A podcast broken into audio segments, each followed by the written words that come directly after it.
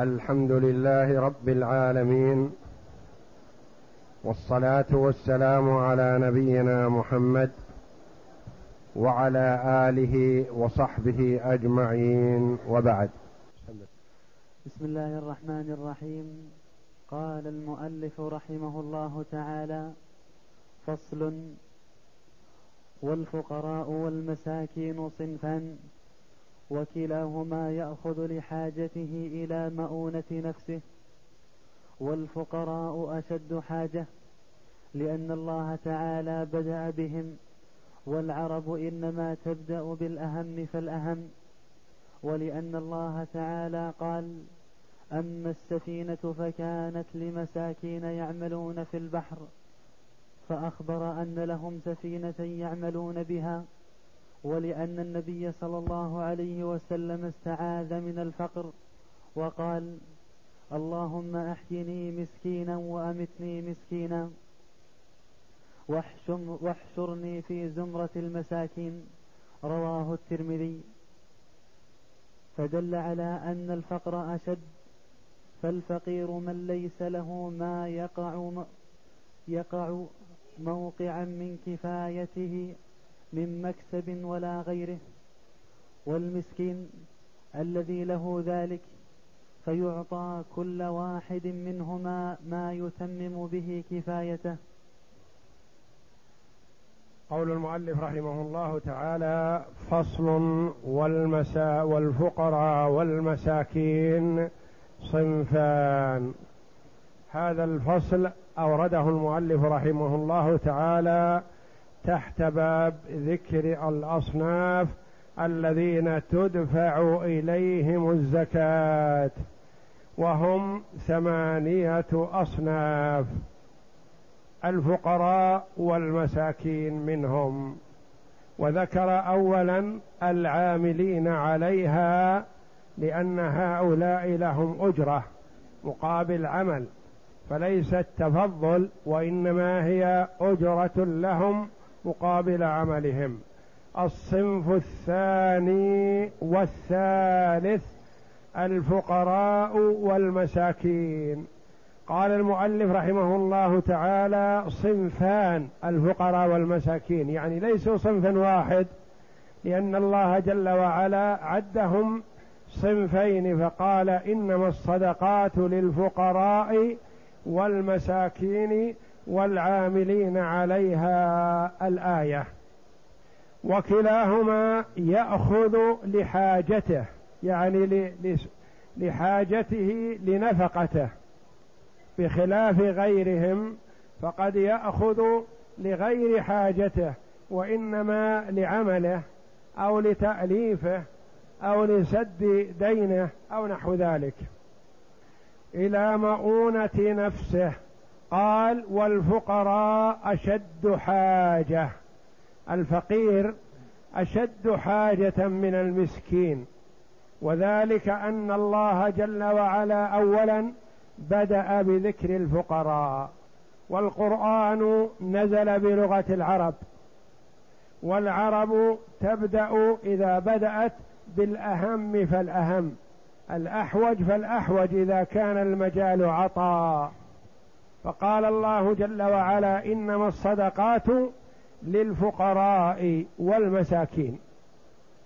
فالفقير أشد حاجة وهذا فيه خلاف. قال بعض العلماء المسكين أشد حاجة من الفقير.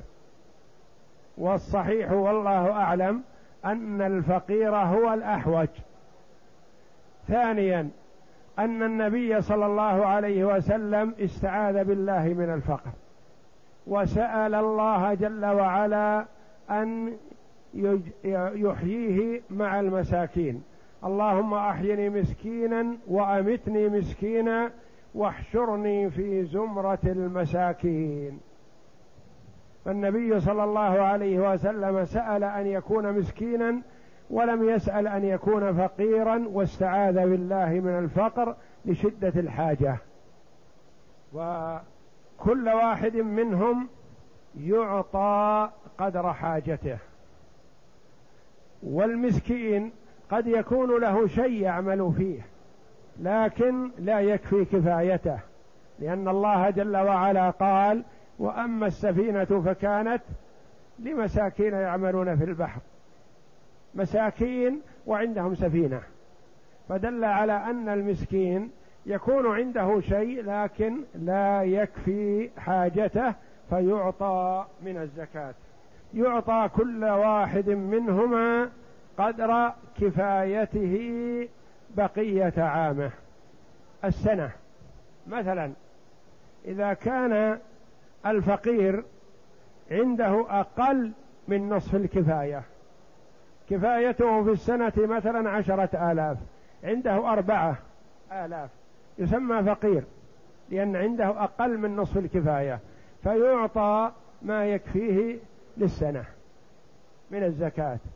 المسكين عنده نصف الكفاية أو أكثر مثلا المسكين عنده ستة آلاف وكفايته في السنة عشرة يعطى بقية كفايته أربعة آلاف من الزكاة.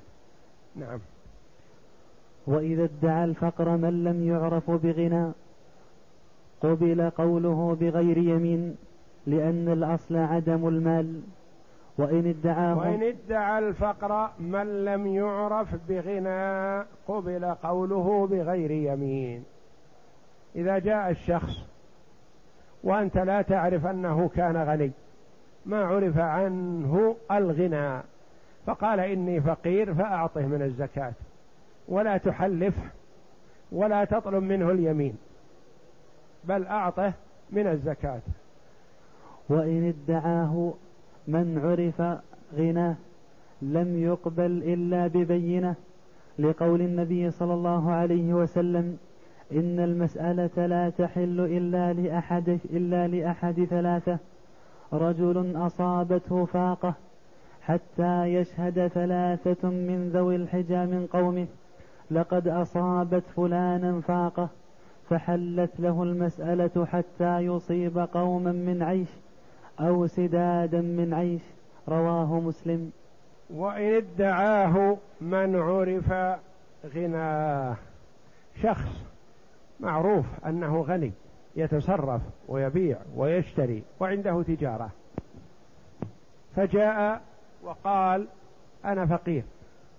تقول له يا أخي أنت معروف في البلد عندك غنى وعندك تجارة وبيع وشراء فكيف تدعي الفقر؟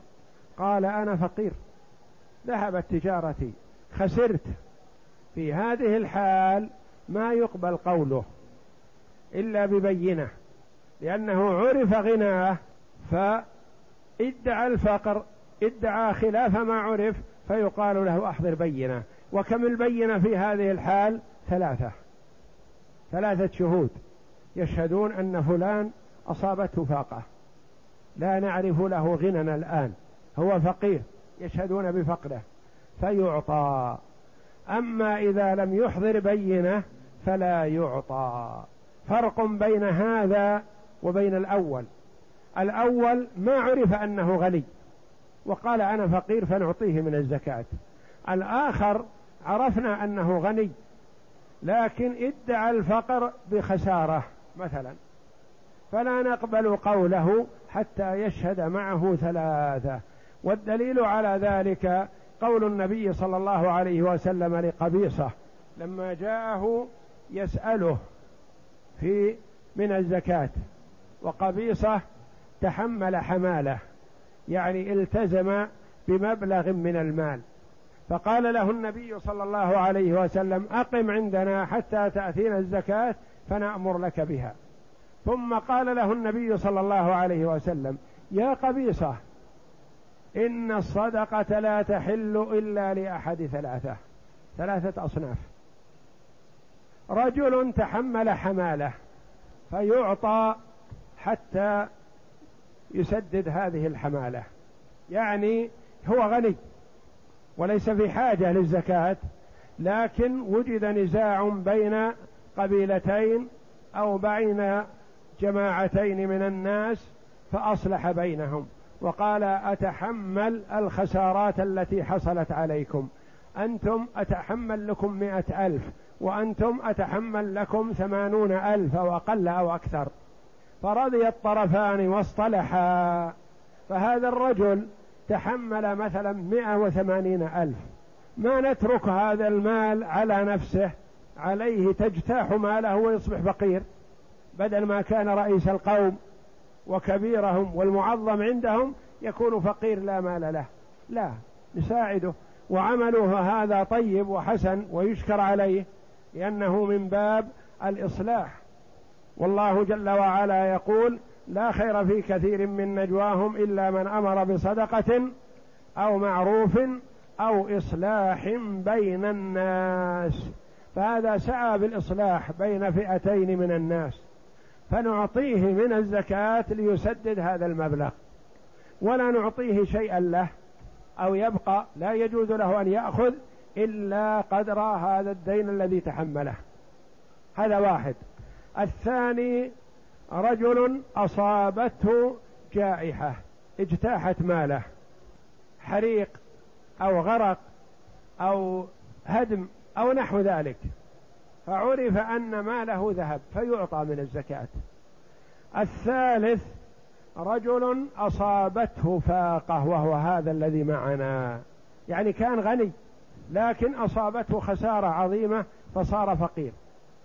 فهذا لا نعطيه من الزكاة حتى يقوم ثلاثة من ذوي الحجى من قومه. يعرفونه. يعرفون مدخله ومخرجه. لا يتحيل علينا. يقول أعطوني من الزكاة أنا فقير وهو غني. لا. إذا قام ثلاثة من ذوي العقل الحجى العقل من قومه يعني من الثقات قالوا نشهد أن فلانا أصابته فاقة. كان تاجر لكنه افتقر. خسر بكذا فيعطى من الزكاة بعدما يشهد معه ثلاثة من ذوي الحجاء من قومه. وإن رآه جلدا وذكر أنه لا كسب له أعطاه من غير يمين لما روى عبيد الله ابن عد ابن عدي ابن الخيار أن رجلين أتيا رسول الله صلى الله عليه وسلم وهو يقسم الصدقة. وهو يقسم, وهو يقسم الصدقة. يقسم. وهو يقسم الصدقة. فسألاه شيئا فصعد بصره فيهما وصوبه وقال لهما إن شئتما أعطيتكما ولا حظ فيها لغني ولا لقوي مكتسب. رواه أبو داود. وإن رآه جلدا. يعني قوي يستطيع الكسب يستطيع العمل فيحث على العمل لأن النبي صلى الله عليه وسلم حث الرجل الذي جاء يسأل على أن يحتطب على أن يحتطب ويبيع الحطب يعمل بشيء ما ليكسب منه قوته. وكان الصحابة رضي الله عنهم مع فضلهم وجلالتهم كانوا يعملون بأيديهم. وربما عمل الواحد منهم عند بعض اليهود في مزرعته لأجل أن يأخذ شيء من الأجرة. ثم يأكل منها ويتصدق رضي الله عنهم. فالواجب على المسلم إذا كان قادرا على العمل أن لا يسأل الناس بل يعمل ويكتسب ويفيد نفسه ويفيد الآخرين. يؤدي مجهود. وأفضل ما أكل الإنسان من كسب يده من عرق جبينه. كان داود عليه السلام يأكل من كسب يده وهو ملك وبين يديه الأموال العظيمة ونبي ورسول عليه الصلاة والسلام وكان يعمل بيده حتى ينتج ما يأكله. فأفضل ما يأكله الإنسان من كسب يده إذا تيسر له ذلك. فإذا رآه نشيطا وقويا حثه على العمل. فإن قال إني لا أستطيع لسبب من الأسباب لا يستطيع فلا يحلفه ولا يطلب منه البينة وإنما يعطيه من الزكاة. لأن النبي صلى الله عليه وسلم أتاه رجلان وهو يقسم الصدقة. فسألاه. وكانا جلدين يعني نشيطين قويين. فالنبي صلى الله عليه وسلم صوب فيهما النظر وتابعه وناظر حالهم. هل فيه عرج؟ هل فيه ضعف في البدن؟ هل فيه عيب؟ ما يستطيع العمل؟ فقال عليه الصلاة والسلام كلمة لهما ولغيرهما من الأمة. إن شئتما أعطيتكما. ولا حظ فيها أي الصدقة لغني ولا لقوي مكتسب. اثنان لا حظ لهما في الصدقة. يعني لا تدخل عليهما إلا بالنقص. خسارة ما له حظ فيها. يعني أخذ حظ غيره. كأنه أخذ نصيب غيره فهو متعدي بأخذه لا حظ فيهما لمن اتصف بواحدة من الصفتين. إما غني والغنى قد يكون غني بماله مثلا عنده مال يكفيه أو غني بكسبه ما عنده رصيد لكن يعمل يوميا بشيء يكفيه. فالأول غني والثاني قوي مكتسب. اثنان لا حظ لهما في الزكاة ولا ينبغي أن ياخذ منها. غني أو قوي مكتسب. ولم يقتصر صلى الله عليه وسلم على قوله قوي لأن المرء قد يكون قوي لكن ما يستطيع أن يكسب ما يستطيع أن يعمل. لسبب من الأسباب فهذا يعطى من الزكاة ولو أنه قوي. لأنه لا يستطيع أن يكتسب. وإن ادعى أن له عيالا فقال القاضي وأبو الخطاب يقلد في ذلك كما قلد في حاجة نفسه. وقال ابن عقيل لا يقبل إلا ببينة لأن الأصل عدم العيال ولا تتعذر إقامة البينة عليهم. وإن ادعى أن له عيال لأنه هناك فرق بين أن تعطي الرجل من الزكاة لأنه واحد أو تعطيه من الزكاة لأن عنده بيت مليء بالناس يبون نفقة فهذا غير ذاك. وأنت لا تعرف الاثنين جاءك الأول فأعطيته على أنه واحد جاء الثاني فأعطيته على أنه واحد فقال لا يا أخي ماذا تعمل بي هذا؟ أنا عندي بيت مليء بالناس يريدون أكل. فأنا ومن في بيتي محسوبون عليكم أيها الإخوة الأغنياء أعطونا شيئا يكفينا. لا تفرضني واحد تعطيني مثل ما أعطيت الرجل الأول قدر نفر أنا عندي خمسة عشر نفر في البيت يريدون الأكل فتقول له مثلا ما يصلح أن تصدقه؟ قال أبو الخطاب والقاضي أبو يعلى قال يدين يقلد يعني يصدق في قوله. ما دام إدعى أن له عيال والغالب أن من يدعي العيال لا يكذب لأنه يخشى أن ينكشف ويعرف لكن ابن عقيل رحمه الله قال لا العيال أمرهم واضح. تقول له هات لي بينة أحضر لي شهود أن معك عيال. ما يصلح أن أعطيك لك ولعائلتك وأنت واحد. ولا أدري أنت صادق في قولك أو لا. أحضر لي بينة. جيب لي اثنين من جيرانك. يقولون نعم نشهد أن فلان عنده عائلة كثيرة في البيت. ولعل هذا أولى. إذا لم يعرف أن له عيال فيطلب منه البينة حتى لا يكذب على الناس. فيقال أحضر لي من يشهد معك على أن عندك عيال ونعطيك لك ولعيالك. وإن كان لرجل دار يسكنها أو دابة يحتاج إلى ركوبها أو خادم يحتاج إلى خدمته أو بضاعة يتجر بها أو ضيعة يستغلها أو سائمة يقتنيها لا تقوم بكفايته فله أخذ ما تتمم به الكفاية ولا يلزم ولا يلزمه بيع شيء من ذلك قل أو كثر. هذا الذي جاءك يريد من الزكاة. له بيت ملك يسكنه. فلا يصح إذا طلب منك الزكاة وهو فقير أن تقول لا يا أخي عندك بيت بعه وأنفق قيمته على نفسك وعلى أولادك واستأجر بيت بأجرة بسيطة أو سكنهم في الخيام ونحو ذلك. لا هذا لا يجوز. ما دام أنه ساكن في هذا البيت لا يقال له بع بيتك وكله ولا تطلب الزكاة. يعطى من الزكاة ولو كان عنده بيت يملكه. أو دابة يحتاج إلى ركوبها مثلا أو سيارة ينتقل عليها مثلا. فتقول له يا أخي ما يصح أن تأخذ من الزكاة وعندك عندك سيارة؟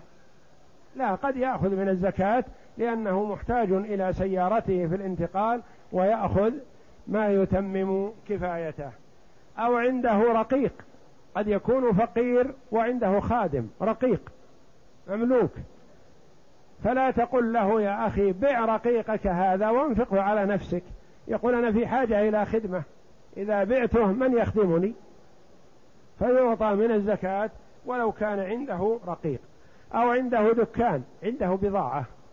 لكن معروف أن شغلته هذا دخلها قليل. ما يكفي لنفقته وإنما تساعد على نفقته. فلا نقول له بع الدكان وما فيه مثلا واكتفي به ولا تسأل ولا تطلب من الزكاة. لا بأس أن يعطى من الزكاة ولو أن عنده دكان يتاجر فيه مثلا. أو عنده ضيعة عنده نخل عنده بستان مثلا. ما يقال له بع بستانك وأنفقه على نفسك. بستانه يأكل منه ويستفيد منه لكنه لا يكفي لنفقته. أو عنده سائمة مثلا من إبل أو بقر أو غنم يحلبها ويستفيد منها ويأكل من نتاجها ونحو ذلك.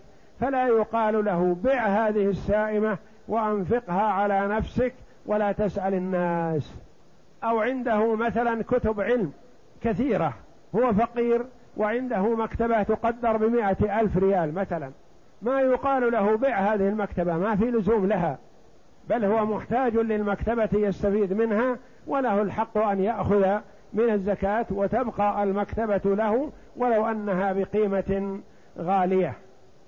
وهكذا فمن كان عنده شيء هو محتاج إليه فيجوز أن يعطى من الزكاة ولا يلزم ببيع ما بين يديه فيحتاج في المستقبل أكثر. فصل الرابع. المؤلفة وهم السادة المطاعون في عشائرهم وهم ضربان كفار ومسلمون. الرابع من أهل الزكاة من هم؟ الأوائل. بدأ, بدأ بالعاملين عليها. الثاني الفقراء. الثالث المساكين. الرابع المؤلفة قلوبهم. وهم السادة يعني شيوخ يعني رؤساء قوم يعني أعيان قوم في قومهم لهم مكانة. وهم ضربان يعني نوعان مسلمون وكفار. المؤلفة قلوبهم نوعان.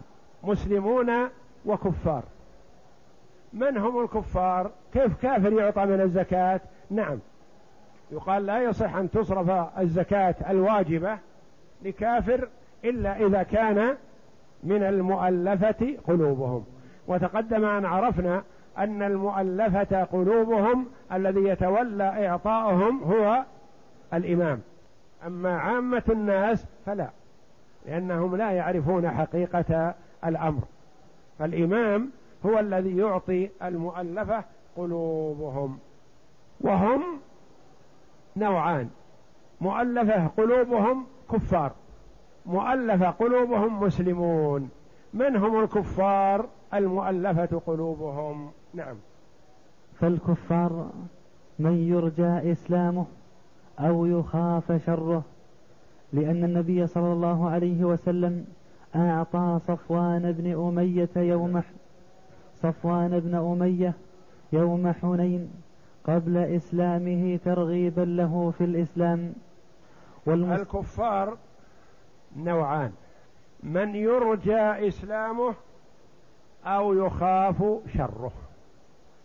كافر يؤمل أن يسلم وهو رئيس قبيلة. وإذا أسلم أسلم بإسلامه أناس كثير. أو إذا أسلم يكون له مكانة في الإسلام وينفع. ينفع الله به المسلمين. يكون قائد مقاتل ذا رأي ومشورة. وهكذا يعني له مكانة فيعطى ترغيبا له في الإسلام. والدليل على ذلك أن النبي صلى الله عليه وسلم أعطى صفوان بن أمية. صفوان من أهل دخل النبي صلى الله عليه وسلم مكة وهرب. ثم جيء به إلى النبي أخذ له الأمان فجيء به إلى النبي صلى الله عليه وسلم.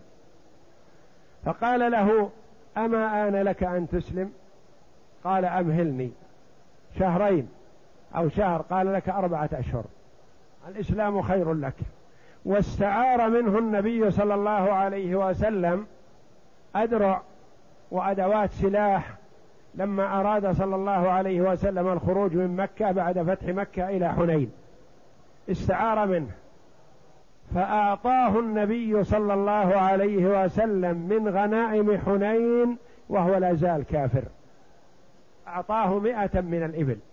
وهو لا زال كافر لأن النبي صلى الله عليه وسلم يأمل إسلامه يرجو أن يسلم وهو إن أسلم ففي إسلامه خير.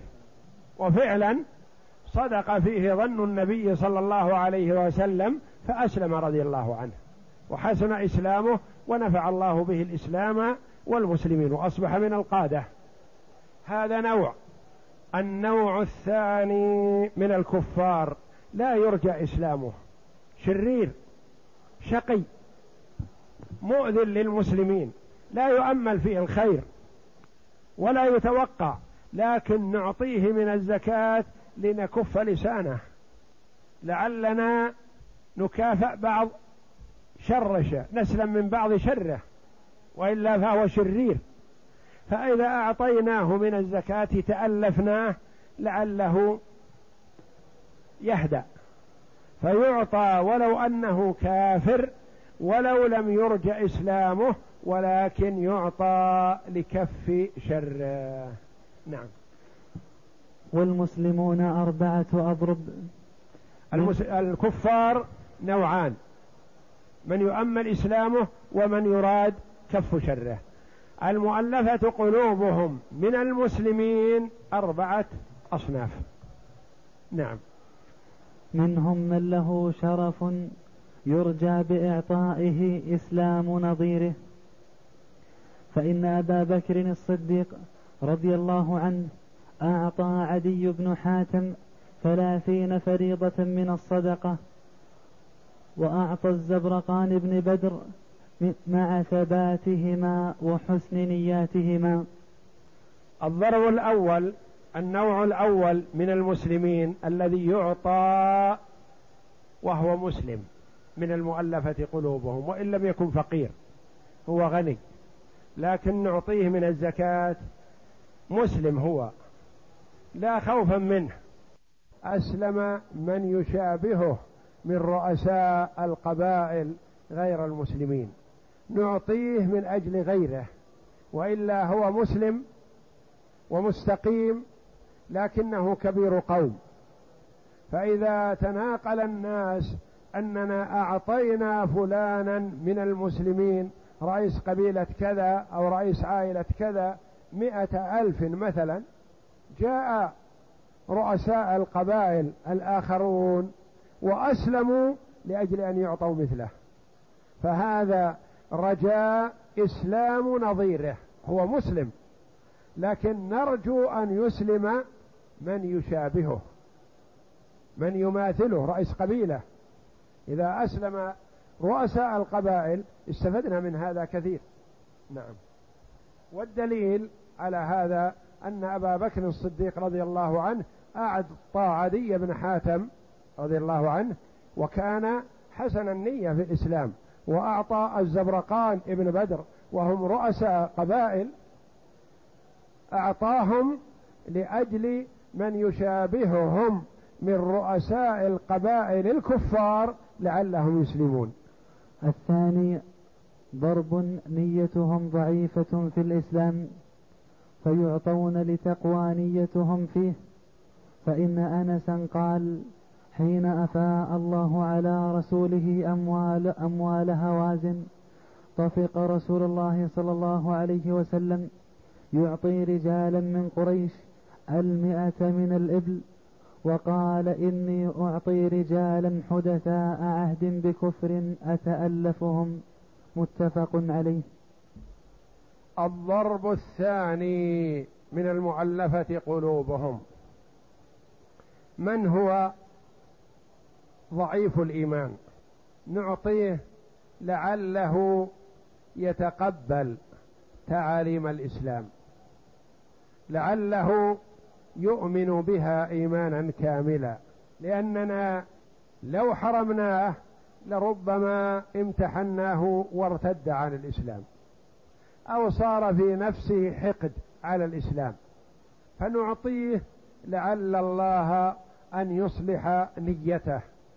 وتستقيم حاله كما أعطى النبي صلى الله عليه وسلم من غنائم حنين اناسا حديث عهد بالإسلام يتألفهم ولم يعط الأنصار رضي الله عنهم وأرضاهم شيئا.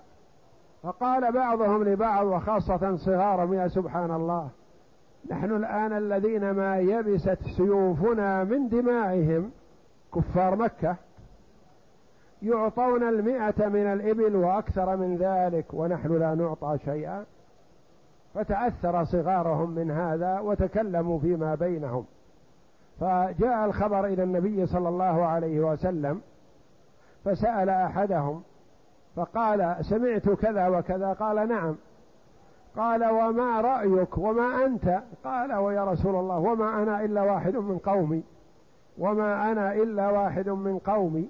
فقال اجمع قومك لي فاجتمع له الأنصار رضي الله عنهم وأرضاهم وخطبهم صلى الله عليه وسلم وذكر منزلتهم ومحبته لهم صلى الله عليه وسلم وأنه يعتبر نفسه واحدا من الأنصار. فقال ألا ترضون أن يذهب الناس بالشاء والبعير؟ الشياه الغنم والبقر والبعير وأنتم تذهبون برسول الله إلى رحالكم قالوا رضينا رضينا رضي الله عنهم وأرضاهم. واعتبروا هذه الخطبة رفعة لهم رضي الله عنهم وأرضاهم وافتخروا بها واقتنعوا من عدم إعطاء النبي صلى الله عليه وسلم لهم شيئا من المال اتكالا على ما في قلوبهم من الإيمان بالله ورسوله. وقال صلى الله عليه وسلم إني أعطي رجالا حدثاء عهد بكفر أتألفهم. وأعطي رجالا وغيرهم أحب إلي منهم اتكالا على ما في قلوبهم من الإيمان أو كما قال صلى الله عليه وسلم. فأعطى صلى الله عليه وسلم أبا سفيان مئة من الإبل وأعطى ابنه معاوية وأعطى غيرهم وأعطى عكرمة بن أبي جهل وأعطى سهيل بن عمرو وأعطى كثير من مسلمة الفتح أموالا عظيمة من غنائم هوازن ووكل المهاجرين الأوائل والأنصار رضي الله عن الجميع إلى ما في قلوبهم من الإيمان. فهذا الصنف الثاني من المؤلفة قلوبهم مسلمون. لا لإسلام نظرائهم ولا لكف شرهم لأنهم لا شر فيهم والحمد لله. لكن تأليفا لهم ولعل الإيمان يتمكن من قلوبهم. فقد أعطى رضي الله رسول الله صلى الله عليه وسلم حكيم بن حزام مئة من الإبل ثم سأله فأعطاه مئة من الإبل ثم سأله فأعطاه مئة من الإبل. ثلاثمائة من الإبل أعطاها لشخص عليه الصلاة والسلام. وأعطى آخر غنما بين جبلين لا يحصيها عد. فذهب هذا المعطى وقال يا قوم أسلموا فإن محمدا يعطي عطاء من لا يخشى الفقر. وهذا هدف النبي صلى الله عليه وسلم الدعوة إلى الإسلام. ثم قال لحكيم هذا الذي سأله وسأله وسأله يا حكيم إن هذا المال حلوة خضرة فمن أخذه بسخاوة نفس بورك له فيه ومن أخذه بغير ذلك كان كالذي يأكل ولا يشبع. كثرة المال لا تغني وإنما الذي يغني غنى القلب. فانتفع رضي الله عنه بهذه الكلمة العظيمة من النبي صلى الله عليه وسلم فقال والله لا أرزع أحدا بعدك بشيء. ما حييت. ما أقبل من أحد شيء. قنع رضي الله عنه. فأرسل له أبو بكر نصيبه وحقه من الغنائم فرده. وأرسل له عمر نصيبه فرده. لأنه حلف بين يدي رسول الله صلى الله عليه وسلم ألا يقبل من أحد شيئا.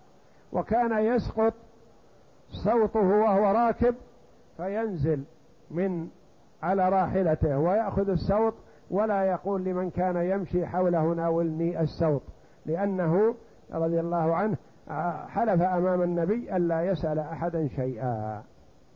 فهو عليه الصلاة والسلام يعطي لحكمة.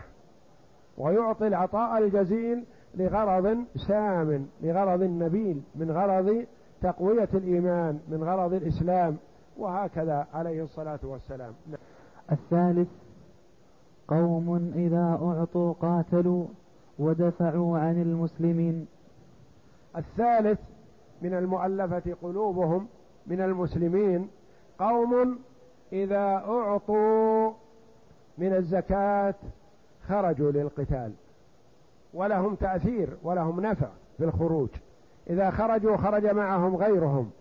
وإذا خرجوا نفعوا برأيهم وشجاعتهم وقوتهم فيعطون من الزكاة من أجل أن يخرجوا للجهاد في سبيل الله. نعم. الرابع قوم إذا أعطوا جبوا الزكاة. ممن لا يعطيها إلا أن يخاف إلا أن يخاف. الرابع من المؤلفة قلوبهم من المسلمين قوم إذا أعطوا جبوا جبوا الزكاة جمن جمعوها. يعني كأن يكون رئيس قبيلة مطاع في قبيلته. ليس لا يرجى إسلام نظيره.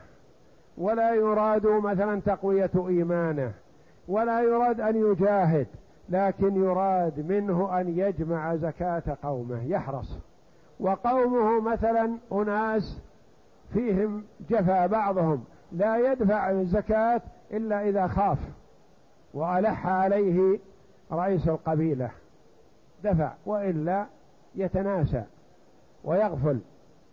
فيعطى هؤلاء من الزكاة من أجل أن يجبوا لنا زكاة قومهم. كأن يقول الإمام مثلا لهذا الكبير كبير القوم مثلا اجمع زكاة قومك ولك منها الربع أو الخمس ولك كذا من أجل أن يجتهد ويحرص. فالمؤلفة قلوبهم من الكفار ضربان. واحد يرجى إسلامه. الثاني يرجى كف شره. المؤلفة قلوبهم من المسلمين أربعة أصناف. صنف يرجى إسلام نظيره وطيب ومستقيم ولكن نأمل أن يسلم من هو مثله من رؤساء القبائل الآخرين. الثاني ضعيف الإيمان لعل إيمانه يقوى. الثالث نريد منه أن يجاهد في سبيل الله ولا يجاهد إلا إذا أعطيناه. الرابع نريد منه أن يجمع لنا زكاة قومه ولا يجمعها إلا إذا أعطيناه من الزكاة. هؤلاء المؤلفة قلوبهم فهم ستة أضرب ستة أصناف اثنان من الكفار وأربعة من المسلمين. نعم. فكل هؤلاء يجوز الدفع إليهم من الزكاة. لأنهم داخلون في اسم المؤلفة وقد سمى الله تعالى لهم سهما وروى حنبل عن أحمد أن حكمه منقطع لأن عمر وعثمان رضي الله عنهما لم يعطياهم شيئا.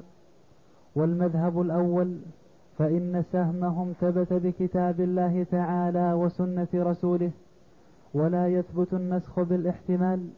وترك عمر وعثمان عطيتهم إنما كانت لغناهم عنهم والمؤلفة إنما يعطون للحاجة إليهم فإن استغنى عنهم فإن استغني عنهم فلا شيء لهم. يقول فهؤلاء الأضرب الستة يعطون من الزكاة باسم المؤلفة قلوبهم. يقول وروى حنبل عن أحمد رحمهم الله أن حكمهم انقطع. قالوا انتهى موضوع المؤلفة قلوبهم. المؤلفة قلوبهم أعطاهم النبي صلى الله عليه وسلم في أول الإسلام وأعطاهم أبو بكر رضي الله عنه لأن كثير من العرب ارتدوا وأراد أن يتألفهم رضي الله عنه. قالوا والدليل على أنه انقطع نصيبهم أن عمر رضي الله عنه وعثمان رضي الله عنه لم يعطيا المؤلفة قلوبهم شيئا. قالوا انقطع انتهى. لا حاجة بنا إليهم والإسلام قوي فلا يعطون. قال والمذهب الأول أنهم يعطون والمؤلفة قلوبهم ذكرهم الله جل وعلا صنفا من الأصناف الثمانية. وهذا ثابت بكتاب الله وبسنة رسول الله صلى الله عليه وسلم وفعل أبي بكر رضي الله عنه بعد وفاة النبي صلى الله عليه وسلم. فمن أين جاء النسخ؟ فكونهم لم يعطوا في عهد عمر وعهد عثمان رضي الله عنهما لأن عمر وعثمان رضي الله عنهما لم يحتاج إليهم. لأن الله جل وعلا أظهر الإسلام والمسلمين وقواه. فليسوا بحاجة إلى إعطاء المؤلفة قلوبهم. وهم إنما يعطون لا لذواتهم وإنما للحاجة إليهم. فمتى ما احتاج الإمام إليهم أعطاهم. ومتى لم يحتج الإمام إليهم فلا يعطون. لأنهم لا يعطون لحاجتهم وفقرهم مواساة كالفقراء والمساكين أو الرقاب ونحوهم وإنما يعطون لغرض يعود على غيرهم. فإن احتجنا إليهم أعطيناهم وإن لم نحتج إليهم فلا نبالي بهم. وهكذا وهذا هو الصحيح لأن عمر رضي الله عنه لم يعطهم لأنه ما احتاج إليهم. قوي الإسلام في عهد عمر وظهر وأبو بكر أعطاهم فأعطاء أبي بكر رضي الله عنه لهم دليل على أنه لم ينسخ. والله جل وعلا ذكرهم أصناف ثمانية في كتابه ولو كان هناك نسخ لظهر في الكتاب أو في السنة. والنبي صلى الله عليه وسلم أعطاهم وأبو بكر رضي الله عنه أعطاهم فحقهم ثابت بكتاب الله وسنة رسول الله صلى الله عليه وسلم وفعل أبي بكر الصديق رضي الله عنه وإنما إعطاؤهم حسب الحاجة. والله أعلم. وصلى الله وسلم وبارك على عبده ورسول نبينا محمد وعلى آله وصحبه أجمعين.